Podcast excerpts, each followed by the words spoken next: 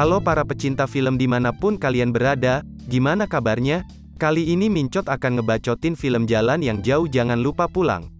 Setelah tiga tahun lamanya, sequel dari Nanti Kita Cerita tentang hari ini akhirnya rilis dengan judul yang sama panjangnya, tanpa berlama-lama dan spoiler di awal, seperti biasa, jauhi keramaian, siapkan cemilan, dan cari tempat senderan bersama gue Denovi. Stay tune!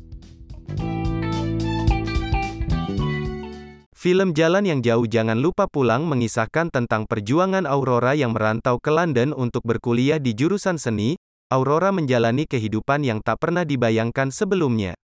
Jalan yang Jauh Jangan Lupa Pulang punya plot yang lebih berfokus pada lika-liku kehidupan Aurora yang berada di kota London. Sebagai sebuah sequel, karakter-karakter di film sebelumnya pun kembali hadir, mulai dari Awan si adik bungsu, hingga Angkasa sang kakak pertama. Ada juga karakter baru yang diperankan oleh Jerome Kurnia, Lutetia, dan Ganindra Bimo.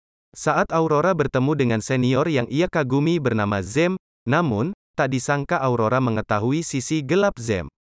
Sisi gelap tersebut membuat Aurora berada di fase keraguan untuk melanjutkan atau tidak. Namun, kehadiran Kit dan Hani yang merupakan dua sahabatnya membuat Aurora merasa beruntung. Aurora bisa bercerita banyak hal dengan mereka.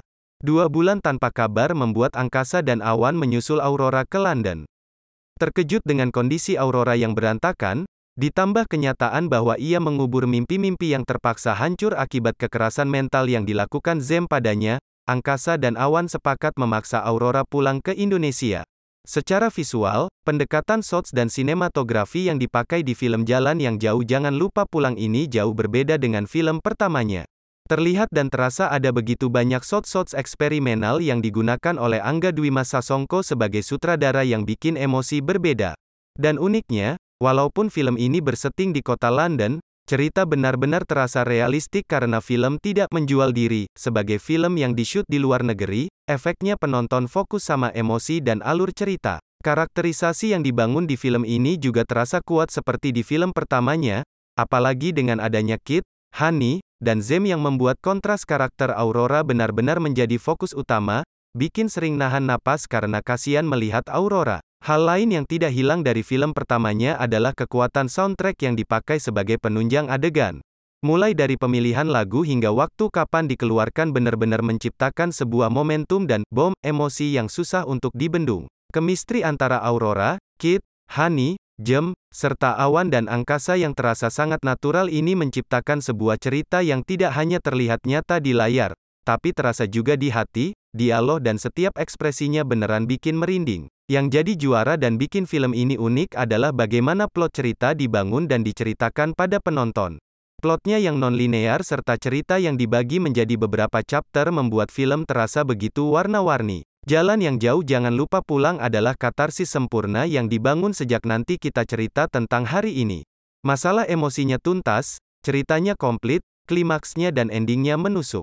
Sebuah sequel sempurna untuk yang mengikuti nanti kita cerita tentang hari ini dari hati. Film Jalan yang Jauh Jangan Lupa Pulang mengisahkan tentang perjuangan Aurora yang merantau ke London untuk berkuliah di jurusan seni, Aurora menjalani kehidupan yang tak pernah dibayangkan sebelumnya.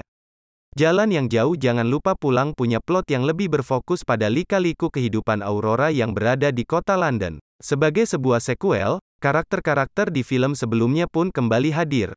Mulai dari Awan si adik bungsu, hingga Angkasa sang kakak pertama. Ada juga karakter baru yang diperankan oleh Jerome Kurnia, Lutetia, dan Ganindra Bimo.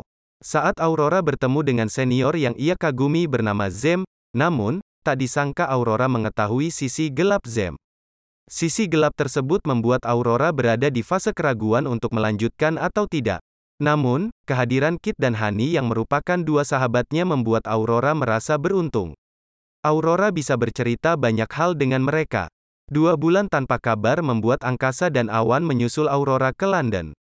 Terkejut dengan kondisi Aurora yang berantakan, ditambah kenyataan bahwa ia mengubur mimpi-mimpi yang terpaksa hancur akibat kekerasan mental yang dilakukan Zem padanya, angkasa dan awan sepakat memaksa Aurora pulang ke Indonesia. Secara visual, pendekatan shots dan sinematografi yang dipakai di film Jalan yang Jauh Jangan Lupa Pulang ini jauh berbeda dengan film pertamanya. Terlihat dan terasa ada begitu banyak shots-shots eksperimental yang digunakan oleh Angga Dwi Mas Sasongko sebagai sutradara yang bikin emosi berbeda. Dan uniknya, walaupun film ini berseting di kota London, cerita benar-benar terasa realistik karena film tidak menjual diri. Sebagai film yang di-shoot di luar negeri, efeknya penonton fokus sama emosi dan alur cerita. Karakterisasi yang dibangun di film ini juga terasa kuat seperti di film pertamanya, apalagi dengan adanya Kit, Honey, dan Zem yang membuat kontras karakter Aurora benar-benar menjadi fokus utama, bikin sering nahan napas karena kasihan melihat Aurora. Hal lain yang tidak hilang dari film pertamanya adalah kekuatan soundtrack yang dipakai sebagai penunjang adegan.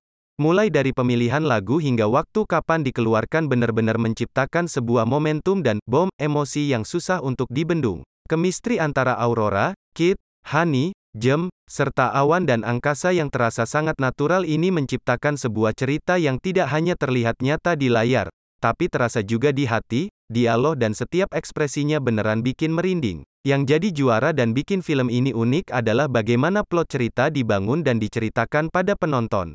Plotnya yang non-linear serta cerita yang dibagi menjadi beberapa chapter membuat film terasa begitu warna-warni. Jalan yang jauh jangan lupa pulang adalah katarsis sempurna yang dibangun sejak nanti kita cerita tentang hari ini. Masalah emosinya tuntas, ceritanya komplit, klimaksnya dan endingnya menusuk. Sebuah sequel sempurna untuk yang mengikuti nanti kita cerita tentang hari ini dari hati.